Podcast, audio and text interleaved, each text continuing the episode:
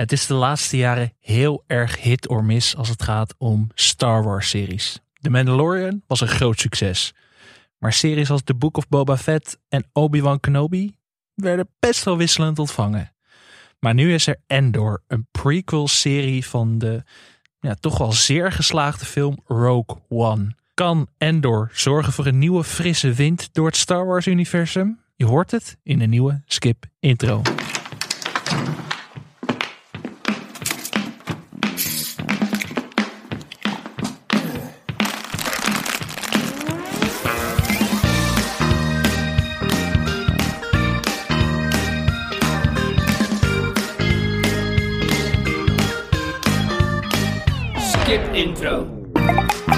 Welkom bij Skip Intro, de podcast waarin we je wekelijks door het grote aanbod op het kleine scherm heen loodsen. Wij bespreken de meest spraakmakende, indrukwekkende of hopeloze series op de streamingdiensten en vertellen je wat je wel of juist niet moet gaan zien. Mijn naam is Alex Maasreel en ik zit hier met de vrouw die een verdomd goede rebellenleider zou zijn. Het is Anke Meijer. Ja, denk je? Ja, dat, nou ja, ik, je, je hebt wel misschien niet de leider, maar wel zeg maar de adviseur van de leider. Nou zeg, waarom niet de leider? Wat is dat nou? Ja, weet ik niet, maar dat zie ik voor mezelf ook niet. Dus het is niet alleen, eh, niet alleen slender naar jou toe. Eh, Anke, we gaan het vandaag hebben over een nieuwe Star Wars serie. Ja, weer een nieuwe Star Wars Weer serie. een nieuwe Star Wars serie. Eh, maar eerst wil ik van je weten, hoe is het? Ja, goed.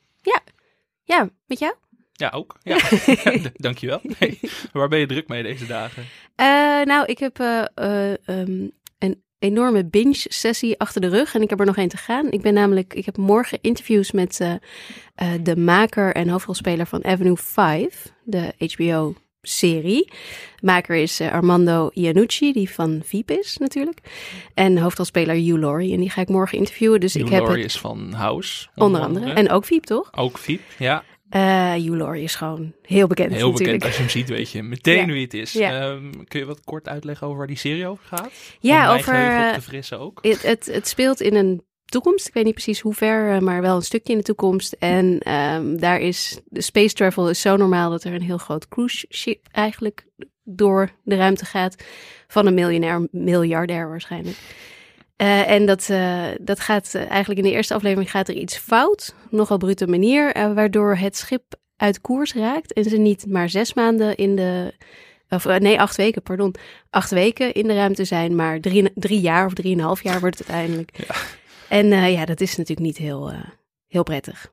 Ik kan me herinneren, ik heb deze serie, ik heb in ieder geval de eerste paar afleveringen gezien. Ik vond het een beetje teleurstellend toen. Ook omdat Ja. Iannucci, zeg maar, heeft dus Veep gemaakt. Hij heeft ook de film The Death of Stalin gemaakt. Ja. Echt een van mijn lievelingscomedies van deze eeuw. Dat is echt een waanzinnig goede film. En ik vond dit een beetje tam of zo. Ja, je was niet de enige. De recensies waren toen niet heel lovend. En eh, ik ben zelf ook redelijk snel afgehaakt. Ik had er niet zoveel zin in en ik weet niet precies waarom. Eh, misschien was het te dicht op Veep, want dat was pas een jaar eerder afgelopen. Alhoewel hij al wel eerder gestopt was als showrunner. Ehm, maar ik ging het, eh, wanneer was het? Begon vrijdag geloof ik met de eerste paar afleveringen weer. En ik zat hard op te lachen en ik vond het zo leuk opeens. Hmm. Ik, ik, ja, ik weet niet, heel grappig, heel eh, eh, flauw op een goede manier. En ook de, het hele idee van hoe die toekomst er dan uitziet en, en waar we dan allemaal zijn als mensheid. Vond ik ook alweer bijvoorbeeld dat dan Hugh Laurie speelt, de kapitein die speelt dat hij een kapitein is overigens, want hij is Ja. gewoon een ingehuurde acteur.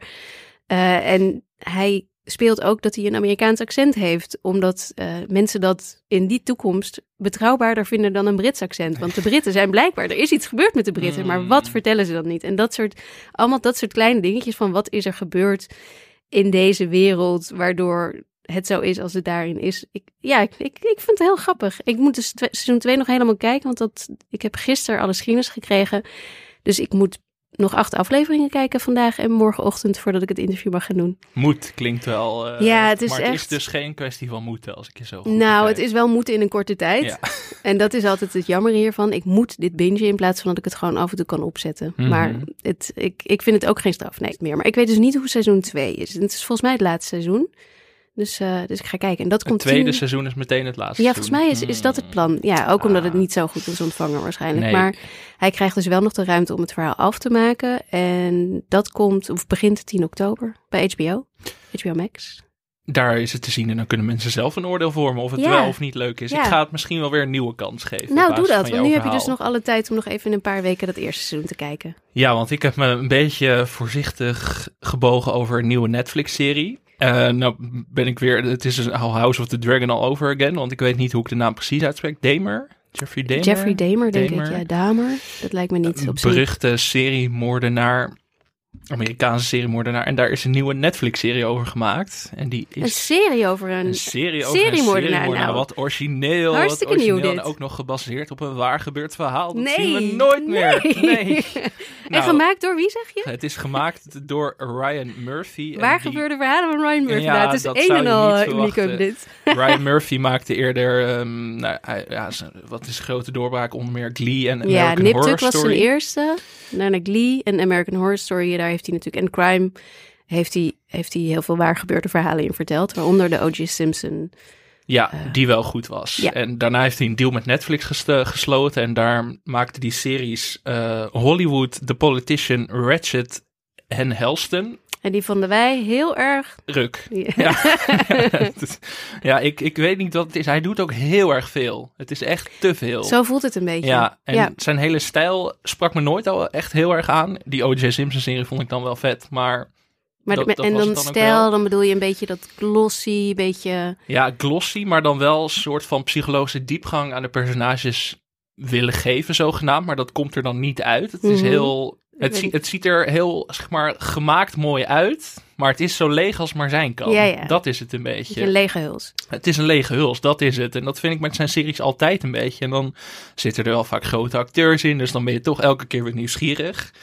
Dat geldt ook voor Damer, want eh hoofdrol wordt gespeeld door Evan Peters. Ja, die eh, vorig jaar in WandaVision en in Mayor of Easttown bijrollen speelde. En daarmee een soort grote doorbraak Oh, had. ja, En hier speelt hij dus een seriemoordenaar. Eh, hij speelt dus ook de hoofdrol in een serie over een seriemoordenaar. Dat vind ik altijd als een keuze Ja. dat ik denk, ja, want is het dat wordt nou wel- lekker? Want ik zag dus vooral kritieken inderdaad op eh, het feit dat het weer een verhaal is waarin de seriemoordenaar Ja. wordt neergezet en niet zozeer zijn slachtoffers. Terwijl juist die slachtoffers voornamelijk eh, zwarte en bruine jongens waren volgens mij, die toch al ja, in de maatschappij niet echt gezien werden. Ik weet niet, is dat ook echt zo? Nou, de serie begint dan een beetje vanuit het perspectief van de Afro-Amerikaanse buurvrouw van Damer. Die dan een gek luchtje ruikt en hem dan confronteert van wat is er aan de hand. En hij heeft, nee, hij heeft een of ander lulverhaal over dat er bevroren vlees in de vriezer lag of zo. Maar we volgen hem wel in de eerste aflevering voornamelijk. En ook dat hij dan naar een café gaat en daar dan een jongen probeert te versieren. En dan wordt er al zo van, hij is een beetje een sukkel. En weet je wel, dan wordt er alweer, dan wordt er alweer laagjes aangegeven van, oh, dit verklaart zijn gedrag. En dat hele fenomeen, daar kan ik ook niet meer zo Want goed ik tegen. zag in de trailer ook flashbacks naar zijn jeugd bijvoorbeeld. Ja, want Richard Jenkins, ook wel een bekende Ja, acteur, ja. eh, onder meer uit Six Feet Under, die speelt dan zijn vader en zo. En dat, Ja, dus dan, er worden dan allemaal weer lagen aangegeven. krijgt hij weer zijn uitleg, zijn, Ja. zijn origin story. Terwijl, waarom moeten we... Ja, daar heb ik dus geen zin in. Ik denk, doe dan even een creatief perspectief. Ik moest ook heel erg denken aan de wel fantastische Netflix-serie Mindhunter, die een soort Mhm. stille dood gestorven is. Daar had dit verhaal bijvoorbeeld wel goed in gepast, omdat je dan vanuit het perspectief van de profilers van de FBI had kunnen vertellen. Oh, bijvoorbeeld ja. in zo'n vorm. Ja, Dat had ik veel interessanter gevonden dan dit. Want nu zat ik de eerste aflevering te kijken en ik dacht eigenlijk van... Nee, ik heb hier geen zin in. Het is weer zoveel van hetzelfde. En hier meteen een bekentenis. Ik ben ook niet zo van het hele true crime. Dus dit is dan wel fictie, maar een soort van... wel ik kan dat best waarheid. leuk vinden. Ik kan dat, ik kan dat echt best leuk vinden. Het is niet mijn lievelings, maar het is niet dat ik, dat ik het per se niet leuk vind of zo. Alleen, ja, het staat me wel een beetje tegen wanneer dit dan weer... Want hij is ook inderdaad, hij staat op de poster. Hij Ja. is, het is zijn naam die de titel eh, bepaalt. Dus het, ik, ja, ik twijfel een beetje. En Ryan Murphy. Ja, ja ik, weet- ik weet niet. Hij, die moet gewoon even, even een jaartje niks doen ook. Dat, dat zou misschien schelen. Ik denk niet dat hij het kan. Dat denk ik ook niet. Want hij krijgt belachelijk veel geld van Netflix voor al deze producties. Skip intro. Dan gaan we naar de luisteraarspost, Anke. Ehm, te beginnen met, eh, vorige week hadden we het even over The Handmaid's Tale.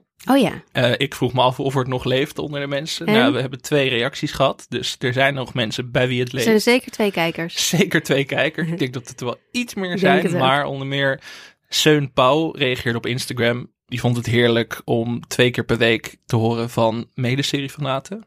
Ah. Dankjewel. Oh, leuk. En hij wilde even laten weten dat de Handmaid's fanbase nog niet dood is. Mijn bubbel is hyped en kijkt al een tijdje uit naar het nieuwe seizoen. Er wordt dus zeker nog over gepraat en wat mij betreft ook zeker de moeite waard om verder te kijken. De machtspelletjes in deze serie, ook in de latere seizoenen, blijven een genot om naar te kijken. Oké. Dus nou ja, dat is dan, dat is dan in ieder geval een aanbeveling. En dan hadden we er nog één. En eh, dat vond ik ook wel een goede theorie. Dat was van Goblinina Black Dress. Het Lange zijn naam. allemaal gebruikersnamen Het zijn de natuurlijk. gebruikersnamen, ja, ja, ja, artiestennamen. Daar laten we daarop houden. En die zei, ik denk dat The Handmaid's Tale wordt vergeten omdat het op Videoland staat. Als het op HBO staat, waar het gelet op de kwaliteit volgens mij eigenlijk thuis hoort.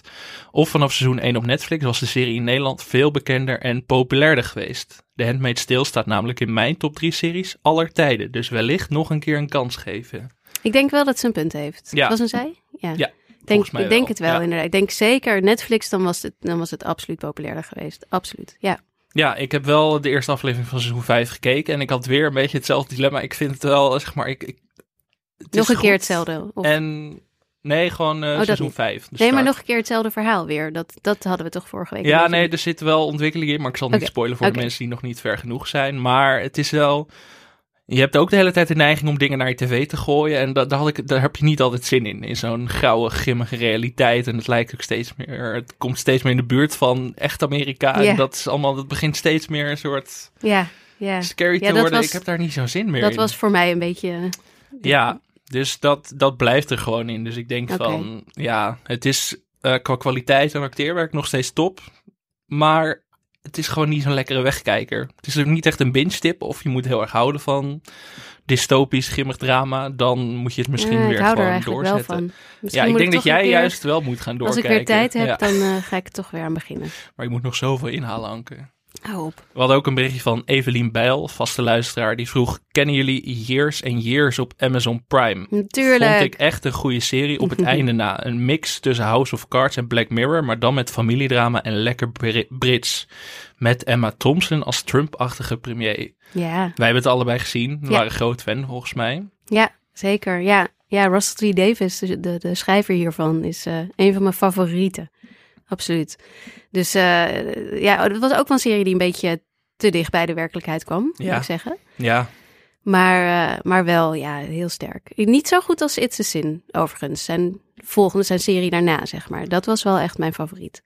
Ja ik vond Years and Years wel echt... eh, dat was echt meer, iets meer mijn ding nog. Ook zes afleveringen. En eh, nou, ik heb die allemaal achter elkaar gekeken, zes uur lang toen. Dat was wel Maar toen was je wel een beetje, ik wou zeggen, een Toen was- beetje dat naar weg was een kwijt. beetje, ik was een beetje de weg kwijt, maar inderdaad vooral Emma Thompson als, als die Trump-achtige premier. Eh, Emma Thompson, wat hij ook doet, ik ben fan. Dus in die zin, mochten Nee, mensen ik het heb niet dus kennen, Russell T. Davis, wat hij ook doet. Ik ben fan. mochten mensen het niet kennen, het is te zien op Amazon Prime. En Sam Bakker stuurde nog een berichtje, Mr. Inbetween verdient het ook wel om een keer aangestipt te worden, toch? Vraagteken. Ik moet toegeven, ik heb dit nog niet gezien, Ik maar ik zit tegenover Ja. iemand die het wel gezien ja, heeft. ja, ja, ik had het wel gezien. Ja, Australische serie. Over een, eh, een huurmoordenaar die ook aan de andere kant gewoon een vader is en een broer en een vriend. Eh, en dat is wel heel grappig. En vooral de hoofdrolspeler is erg leuk. Erg geloofwaardig als huurmoordenaar, maar ook wanneer hij zijn dochtertje vertelt over hoe hij ooit een eenhoorn heeft ontmoet, zeg maar. Dus een beetje een komische Ja, misdaadserie. met een donker randje. Zo heb ik het zelf ooit omschreven, een stukje. Eh, deze serie is te zien op Disney+. Plus. Dus eh, nou, ja, weer genoeg tips Zeker voor de mensen in ja. ieder geval voor deze week. Dan gaan we zoals elke week naar het nieuwtje of eh, het nieuws van de week. Eh, ik schrok een beetje. Ted Ja. Lasso is een beetje een favoriet van ons allebei. Het duurt nog even voordat het nieuwe seizoen komt, geloof ik. Als En- we de geruchten moeten geloven. En er zijn veel geruchten, want er schijnt gedoe te zijn achter de schermen. En dan begin ik me altijd zorgen te maken. Want Ted Lasso is een hele vrolijke, positieve serie te zien op Apple TV+. Plus. gaat over een Amerikaanse voetbaltrainer die daar een Britse voetbalclub onder zijn hoede krijgt. En het rommelt een beetje achter de schermen. Ze hebben net allerlei Emmys gewonnen en het is een beetje... Ik moet zeggen dat ik de berichtgeving, ik vond het ook wel een beetje overtrokken allemaal. Want het, het, het rommelt is, eh, komt erop neer dat het, dat het uitloopt allemaal. Omdat Ja. de opnames later zijn begonnen. Wat eh, grotendeels te, te wijten is aan het feit dat Jason Sudeikis, die de serie ook schrijft en natuurlijk de hoofdrol speelt, ehm, ik geloof, te perfectionistisch was. Dus, dus allemaal eh, het script opnieuw wilde herschrijven de hele tijd. Daar is op zich niks mis mee. Nee, denk ik. nee. Nou ja, het kan een slecht teken zijn wanneer het niet helemaal vanzelf gaat misschien. Nee. Maar aan de andere kant, ja. Eh, en het was ook zo dat ze geloof ik eh, niet meer konden filmen in het stadion van Chelsea. Omdat toen die eigenaar met, na de inval van Rusland in Oekraïne Ja, de club klopt. heeft moeten, van de hand moeten doen, toch? Ja, en ze zijn volgens mij al 30% over, ehm, over het budget heen gegaan inmiddels. Ja, nou ja, gelukkig zitten ze bij Apple, dus dat Ze scheelt. zitten bij Apple, dat scheelt. Eh, ze zijn ook naar Amsterdam geweest. Ja, voor onlangs. opnames, En dat ja. heeft er weer voor gezorgd dat het productieschema weken Ja. achterliep. Dus ze vonden Amsterdam blijkbaar zo leuk Ja. dat ze dachten... hé, hey, daar moeten we wat langer blijven hangen. Nou, kijk, ik denk dus wat, wat een beetje de, de waarheid achter deze geruchten is dat het inderdaad uitloopt. En dat ze over budget zijn. En dat het dus nog wel een tijdje gaat duren voordat we een nieuwe serie krijgen. En dus niet nu binnenkort al, wat wel heel jammer is.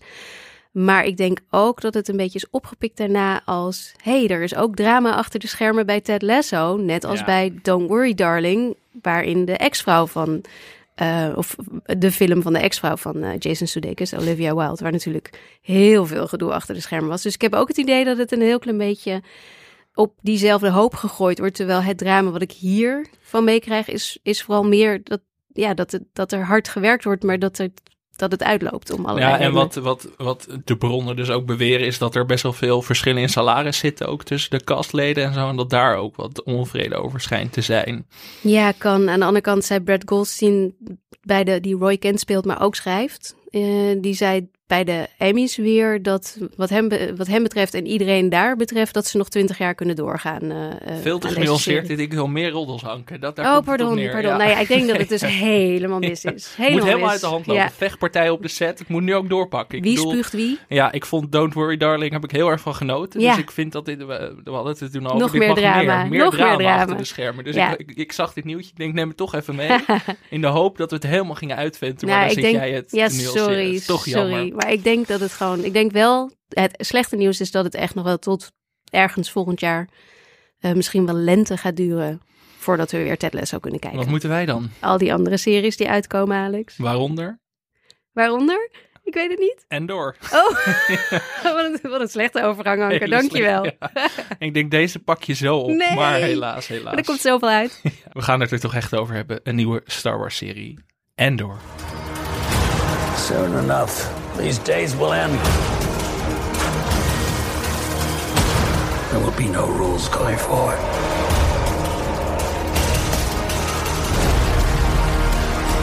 People are standing up.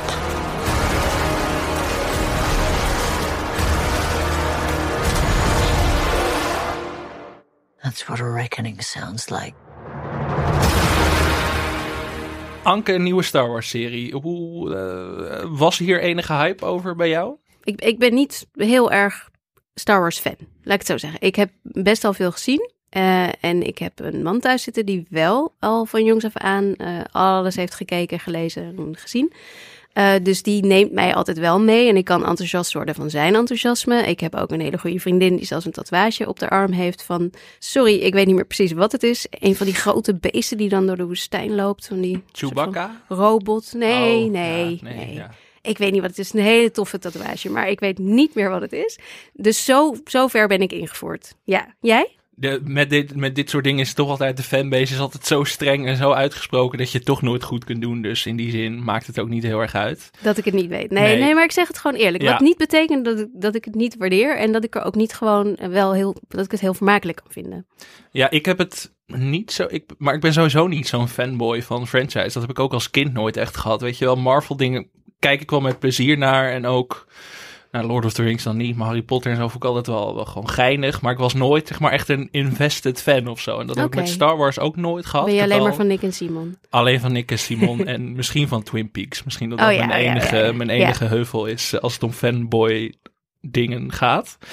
Maar Star Wars wel, gewoon natuurlijk alle films gezien en ik, ik pak het altijd wel mee. En sinds kort is Disney Plus natuurlijk eh, in het streaminglandschap gekomen. En die hebben nieuwe series nodig. Ja. En daarom is Endor inmiddels al de vierde Star Wars Ja, serie. jeetje. Het gaat echt snel, want wanneer kwam de Mandalorian uit? Twee jaar geleden? Twee jaar geleden, drie jaar geleden Drie jaar volgens mij. En sindsdien hebben we ook nog The Book of Boba Fett en Obi-Wan Kenobi gehad. Ja, En vooral bij die laatste twee series ben ik wel echt toen gedacht van... broer, als het zo moet, dan heb ik er geen zin meer in hoor. Dan ga ik niet trouw alles blijven volgen om maar een beetje bij te blijven. Want meteen maar een confession. Ik heb de Book of Boba Fett en Obi-Wan Kenobi niet uitgezeten. Dat kon Nee. ik echt niet aan. En dat Nee, doe ik niet vaak bij Ewan series. McGregor, On- ja. ja, ja. Niet kapot van Ewan McGregor. oh nee, ik wel. Nee. Maar ja, Maar dat gewoon saai. En het waren echt duidelijk, zeker bij Obi-Wan Kenobi, was echt duidelijk een film die werd uitgerekt tot een tv-serie. En dat, ja. ja, nu we het daarover hebben, de maker van Endor heeft wel gezegd dat hij eigenlijk een film van 12 uur heeft gemaakt. Nou, Nou, niet 12 uur, 12 afleveringen. het is goed dat je daar meteen heen gaat, want dat is volgens mij ook een beetje het probleem van zowel de Star Wars-series op Disney Plus als de Marvel-series op Disney Plus. Het is nog heel erg gemaakt vanuit het filmidee de hele tijd van. We hebben een film, maar eigenlijk kunnen we dat niet in de bioscoop kwijt, want de personages zijn misschien niet, niet, heet, niet, niet heet genoeg, hot genoeg. Ja, niet heet niet genoeg, heet dat mag genoeg, best. Ja. Eh, of populair genoeg, laat ik het zo zeggen. En dat ze daarom denken, dan stoppen we het op Disney Plus. Maar dan maken we er wel heel veel reclame voor. En dan, oh ja, heel speciaal om het naar Disney Plus te brengen. Ehm, zoals Falcon and the Winter Soldier, Mrs. Marvel, She-Hulk, dat soort series. Dat die allemaal op Disney Plus worden gedropt. Maar heel vaak denk ik, ja, dit had beter een film van twee uur kunnen zijn. Had dat dan gewoon in de bios gedaan en had er iets meer geld in gestoken.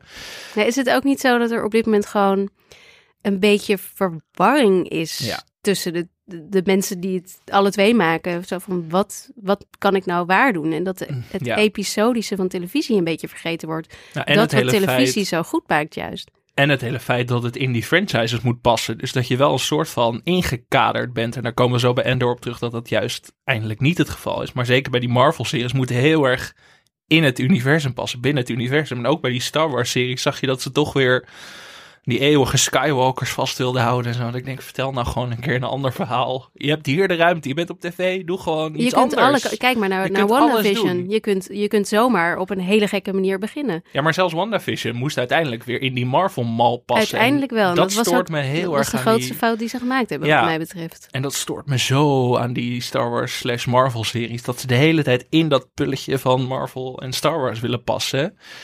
Maar nu hebben we Endor.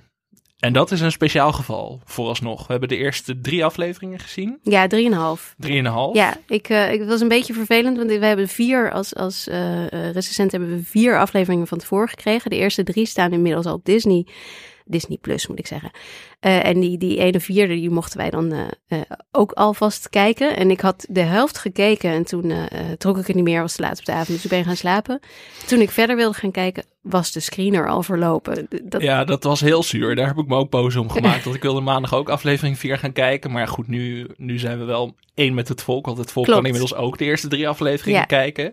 Wel grappig dat je weer... Ja, dat is wel een soort patroon in jouw leven. Dat je in slaap valt bij Star Wars producties. Volgens Ja. mij. Ik heb je dit vaker horen zeggen als het gaat om Star Wars. De, de, de eerste film eh, die ik zag was dus samen met mijn man toen we net bij elkaar waren. En ehm, hij, hij was dus, hij is nog steeds erg fan en hij wilde dat ik dat ging kijken. En hij wilde me dat laten zien zoals je dat Mhm. doet. En toen viel ik na een half uur in slaap. En dat is eigenlijk altijd eh, gebeurd. Het is echt een patroon in jouw hele leven eigenlijk Ja, al. totdat Ja. we samen een keer naar die laatste Star Wars film gingen in de bioscoop. En toen hadden we een oppas en alles en toen viel hij in slaap. Oeh. En toen maakte ik hem wakker en toen zei hij, wat doe je nou? Ik Ja. zo lekker te slapen.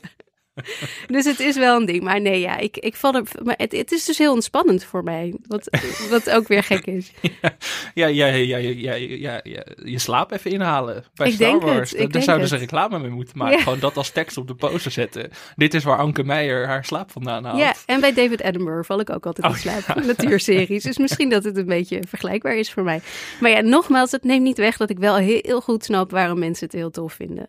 Ja, nee, ik snap het ook wel. Maar ik heb het zelf gewoon altijd minder. En dan, weet je, maar ik, ik, ik, ik verbaas me dan ook altijd wel over hoe fanatiek zo'n fanbase kan zijn. Ik bedoel, er was natuurlijk heel veel kritiek en gedoe op eh, The Last Jedi. De in totaal achtste Star Wars film, volgens Mhm. mij.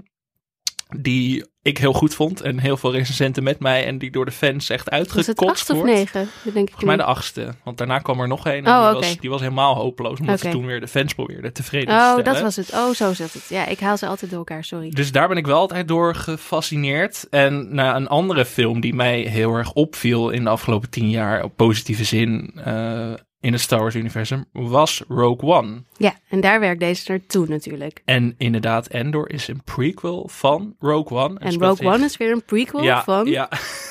We gaan niet, al te diep op het universum, anders ra- Ja, maar nu snap ik, ik snap het eindelijk. Je snapt het Ja, eindelijk. ik snap het eindelijk. Het valt voor jou allemaal op zijn plek. Vijf jaar voor Rogue One speelt het zich af. De hoofdrol wordt gespeeld door Diego Luna, die dus ook al in Rogue One speelde. Daarin speelt hij een rebellenleider, Cassian Landor. Of leider? Cassian is- Endor. Cassian Endor, Landor. Ik vind Landor een leukere naam eigenlijk. Kunnen we dat gewoon nog aanpassen achteraf? Cassian Landor. Cassian Landor vind ik leuker. Nou, Ja. maar zo heet hij alleen niet. Ik kan er niks aan doen. Heel jammer. En hij, ja, we volgen hem hier eigenlijk. Hier is hij nog een beetje een soort, nou, hoe zou je het zeggen? Een beetje een, boef. Ja, een beetje een, kle- een klein boefje. Ja. Niet, niet een gevaarlijke boef, maar ja. een beetje een draaideurcrimineel eigenlijk. ja. En we zien dus eigenlijk in deze serie hoe die langzaam uitgroeit tot het personage wat hij in Rogue One is. Dat is een beetje het uitgangspunt. Er zijn twee seizoenen aangekondigd. Daar blijft het volgens mij ook bij. ja, twee keer twaalf afleveringen. Twee keer twaalf afleveringen. Ehm, maar wat mijn nieuwsgierigheid in ieder geval in de eerste zin prikkelde, was de betrokkenheid van de maker, de schrijver. Dezelfde schrijver als bij Rogue One. Dat is Tony Gilroy. Eh, de schrijver van de Bourne films. Ja. Hele goede actiefilms. Daar hebben de mensen vast al van gehoord. En de schrijver van Michael Clayton. En dat is een iets, iets obscuurdere film met George Clooney in de hoofdrol. Een soort politieke thriller Mhm. volgens mij uit 2007. En dat is wel een van mijn favoriete films van deze eeuw. Een hele sterke, echt zo'n, zo'n ja, ik kan zeggen, volwassen thriller, zeg maar. Echt heel goed gemaakt, heel goed geschreven, goede personages. En daardoor dacht ik wel van, oké, als ze hem gewoon de ruimte geven om zijn visie, zeg maar, in het Mhm. Star Wars-universum daarop te leggen, dan heb ik er best wel vertrouwen in dat het dit wat anders gaat zijn. En? Heb je ook en dat het is het ook. Ja? ja, ja. Het is een best wel trage opbouw. Vooral de eerste twee afleveringen zijn best wel Ja, ik, kalmpjes. ik, vond, ik heb, eh, ik heb eh, gehoord dat hij dus eh, dat het geschreven en ge- gemaakt en geregisseerd en geproduceerd is in blokjes van drie. Oké, Dus die eerste drie afleveringen zijn eh, een bepaalde periode en daarna krijg je drie afleveringen. Dus is wat dat betreft heeft hij het wel echt een beetje aangepakt als een film, maar dan vier films dus eigenlijk in één seizoen. Eh, en die eerste drie afleveringen, daarvan had ik wel zoiets van, hé, hey, wat, wat eindigt het op een gek punt? Helemaal Mhm. geen, geen enkele cliffhanger. Er is, het verhaal is nog niet mooi rondgemaakt, want meestal in een aflevering eh, op televisie, als je het een beetje klassieke manier wil doen, dan rond je een verhaal af in één aflevering. En dan komt er daarna weer een volgend verhaal. En dan heb je één lijn die doorgetrokken wordt, bij wijze Ja. van spreken. En dat is hier helemaal niet. Het is eigenlijk die drie afleveringen hadden ook zonder aftiteling ertussen kunnen, Ja. kunnen doorgaan. dat is dan ook gelijk het enige kritiekpunt wat ik tot nu toe, of het grootste kritiekpunt wat ik tot nu toe heb, is dat het inderdaad meer ook weer een lange film is dan een serie. Maar goed, door de kwaliteit ben ik ze dan bereid om dat één keer te vergeven. Maar het is wel een irritant ding. Dat zie je ook steeds vaker. Dat makers dan, zeker die een beetje uit de filmwereld komen, dan een tv-serie gaan maken en dat ze zeggen. Ik heb dit eigenlijk geschreven als een eh, tien uur durende film. Ja. En dat, dat vind ik zo'n zwakte bot. Dan denk ik van, Ga dan geen tv maken. Ga dan gewoon lekker iets anders doen. Ga dan een lekker experimentele film van acht uur maken. Maar niet dit. Dat, dat, dat stoort me dan wel een beetje. Ja, ik hou er op zich ook wel van wanneer je een aflevering hebt die, die je ook gewoon, dat je daarna het Ja. idee hebt dat je wel één ja, rond verhaal hebt gezien even. Ja, of, anders... of dat het zo spannend is dat je door wil kijken. En dat had ik hier bij die eerste drie afleveringen niet. Hmm. Uh, maar het ging gewoon door. Dus ik, Ja. ik heb gewoon weer doorgekeken en dat was ook prima. Maar uh, dat, ik miste dat wel een beetje, moet ik zeggen. Wat mij betreft had dat eerste stukje ook wel een stuk korter gekund. Aan de andere kant, wat hier heel erg leuk aan is, want Star Wars is natuurlijk altijd, ja, Star Wars. Het is altijd tussen de sterren. Ja. Uh, het zijn altijd die Skywalkers. Of uh, het is Darth Vader, of het zijn weer Ja. uh, mensen van de Empire en mensen met die witte pakken aan. Hoe heet ze? Stormtroopers. Ja. Ik weet het wel, ik weet het wel. Maar dit is echt ja, on the ground. Dit is tussen, tussen de, de normale mensen eigenlijk. Dit is op een planeet die volgens mij gewoon een, een mijn hebben ze daar? Of wat zijn ze aan het doen? Wat zijn ze? Het is industrie in ieder geval. Ik Mhm. weet niet precies wat ze aan het doen zijn. Hier, hier wonen de normale mensen die onderdrukt worden door dat empire wat Ja. de macht heeft. En dat vond ik wel heel Een interessant. hele slimme keuze ook, Ja. volgens mij, om het daarop te richten. Want je had het al even over die Skywalkers. Het is inderdaad... Ja, de elite is Ja. dat. Ik bedoel, ze zijn dan misschien wel van de rebellion, maar ja, het maar is gewoon ook wel elite. keer niet. En dat, eh, je- weet het natuurlijk nooit in die Star Wars series of ze weer opduiken. Wie op weet, wie moment. weet komt er straks weer een Ongetwijfeld. Maar misschien aan het einde pas. En dan, Ja. dan ben ik het bereid om ze te vergeven. Maar ik vond het lekker. Het was eh, toch wel, het voelde fris, ondanks dat het dan een prequel is van een bestaande film. Maar Ja, ze hebben, ze, hebben, ze hebben geen force. Ze, hebben geen, ze zijn gewoon normaal. En dat is ook wel weer wat, ik, wat mijn man dus heel erg leuk vond, die groot fan is, is, is eh, dat het voor hem de wereld inkleurde. Dat hij nu dacht, dit is, dit is de plek die je nooit zag. Je, je Mhm. kijkt alleen maar eigenlijk omhoog en nu kijk je even omlaag. En, en krijg je allemaal kleine details. En daar is volgens mij Tony Gil- Gilroy, de schrijver, ook wel erg goed in. ja, Die, die details. Zoals bijvoorbeeld de klokkenluider op die planeet. Waar eh Endor in eerste instantie woont als ze hem ontmoeten. Die, die op een of andere bizarre manier op een groot aanbeeld aan het slaan is. eh, iedere ochtend Ja. en iedere avond om aan te geven. De dag begint, de dag is ten einde. Ik vond het eh, dat vond ik echt heel cool. dat is volgens mij ook de grootste kracht dan van deze serie. Is de scripts al, denk ik. Zo, ik vond de dialoog ook beter dan in andere Ja, Star Wars series tot nu toe. Ja. Dus dat, dat is dan wat zo'n wat zo'n maker eraan... Het echt een schrijver en dan merk je ook dat het echt gemaakt is door een schrijver. Ja. Meer dan in het visuele. En natuurlijk de acteurs, want we zien heel Ja. wat grote, Grote namen. namen. Ja, onder andere. Fi- Fiona. Fiona. Fi- Fi- Fiona Shaw. Ja, Fiona Shaw. eh, be- vooral bekend van Killing Eve, denk ja, ik. ja, als, en eh, Harry Potter is ze ook. De, En Harry Potter, ja. Ja, de, hoe heet ze? De, de, de tante is. eh, ik ben even de- helemaal kwijt hoe die tante heet. Al die, al die franchises, Ja. maakt niet uit. Ja, ik denk ja, dat ja. mensen wel eh, Maar in ieder geval, zij, eh, zij onder andere inderdaad. Maar wat ik dus hoorde is dat ze hebben dit in eh, Londen opgenomen tijdens de pandemie. En toen eh, waren er opeens heel veel acteurs die geen kant op konden, maar die wel Mm. daar naar de studio konden komen. Dus ze hebben opeens heel veel grote het viel me op dat ze echt zeg maar, heel veel grote, eh, vooral theateracteurs Precies, hadden. En dat, precies, dat, ja. dat geeft het ook een soort meerwaarde. We zien ook Stellan Skarsgård, Ja.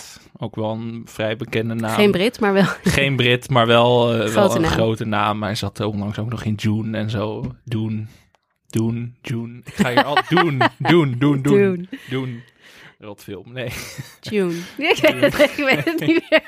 ik ben het kwijt. Maar eh, dat, dat geeft het ook wel meerwaarde. En dan merk je ook dat het net even wat Ja, Het is, het is gewoon in algemene zin beter dan alle andere. Ja, Ja. de Mandalorian vond ik dan nog wel oké. zeker het eerste seizoen en deel Ja, van het tweede seizoen. Maar ik vind dit nog een stap voorwaarts in die zin. Want wat, hij, wat Tony Gil- Gilroy in een interview dat ik heb geluisterd met hem ook zei, is dat hij dus, hij kreeg dus die goede acteurs. En daar ging hij ook naar schrijven. Want zo iemand werd gecast en toen dacht hij, oh, maar ik, ik heb eigenlijk een scène hier met, met deze persoon en dat, die gaat niet zo diep. Maar nu kan ik hem dieper laten gaan, want dat kan deze acteur of actrice aan. Ja, En dat merk je eraan. Het is wat dat betreft echt een geluk geweest dat er een eh, wereldwijde pandemie gaande was. Star Wars moet de coronapandemie bedanken dus eigenlijk. Eigenlijk Daar komt wel, het op neer. ja. Want het voelt wel echt gewoon als een, als een broodnodige frisse wind door dat hele universum eigenlijk. Ja, nou, het had ook gewoon geen Star Wars film kunnen zijn. Nee, nee, inderdaad. Of het is dat je ja. een paar herken, herkenningspunten hebt, maar anders dan had het ook zo'n heel nieuw verhaal kunnen zijn. Dan was het waarschijnlijk minder populair geworden dan nu. Ja. Maar inderdaad, de reacties, de recensies zijn positief. Wij zijn positief. Dat wil ik wel van jou weten. Ehm, ik hoorde in de recap-aflevering maandag dat je Lord of the Rings nog niet hebt doorgekeken, ondanks dat we daar ook enthousiast over waren. Hoe Ja. gaat dat zijn bij Endor? Ga je dit wel doorkijken? Eh, ja, want dat, dat ga ik dan wel. Dan gaat mijn man kijken en dan ga ik meekijken. Mm. Ja. Ja, dat vind ik dan wel leuk. En deze afleveringen zijn ook niet zo lang als Lord of the Rings. Oh, dat vond ik zo lekker. Vooral de Ja. eerste twee afleveringen waren volgens mij 35 minuten. Ja, dus inclusief aftiteling. Ja, van, precies. oh, dat is zo'n verademing. Want inderdaad, dat stoort me wel aan House of the Dragon. Dan zie ik alweer een uur en zes minuten. En dan denk ik, pff, Ja, nu ging dat afgelopen aflevering heel makkelijk, maar soms duurt dat ook erg lang. maar het is niet alleen House of Dragon. Maar inderdaad steeds allemaal. meer series Zijn die zo lang duren. En dan denk ik van, ja, lekker. 35 minuten. Heerlijk. Dat ik daar echt van kan genieten. Dus in die zin eigenlijk eh, een positief eindoordeel. Vooralsnog op basis van de eerste drie afleveringen. Zowel voor de Star Wars fans als voor de niet-Star Wars fans, denk ik. Eh, ja, ik denk dat je. Ik weet niet of je inderdaad er zoveel zin in hebt als andere mensen, maar ik als niet-fan heb er absoluut. Ik vond het geen straf om naar te kijken. Wel opzouten met die Skywalkers. Gewoon even niet nu. Even Dat niet. is even een welgemeend advies van mij hier, van Skip Intro. Geen Skywalkers. Ja. Even niet. Maar ik denk ook dat ze ver weg zijn. Ja, dat denk ik ook. Dat hoop ik ook. Er zijn niet eens stormtroopers in deze wereld. Nee, maar ik, ja, ik zie toch wel weer zo'n Chewbacca dan ineens weer opduiken in aflevering 7. Dus zeg Er is niet wel weer een hele leuke droid. eh, Ja, daar zijn ze altijd goed in. ja, hè? ja, Dus ook qua comic relief zit het goed volgens mij. ja, klopt.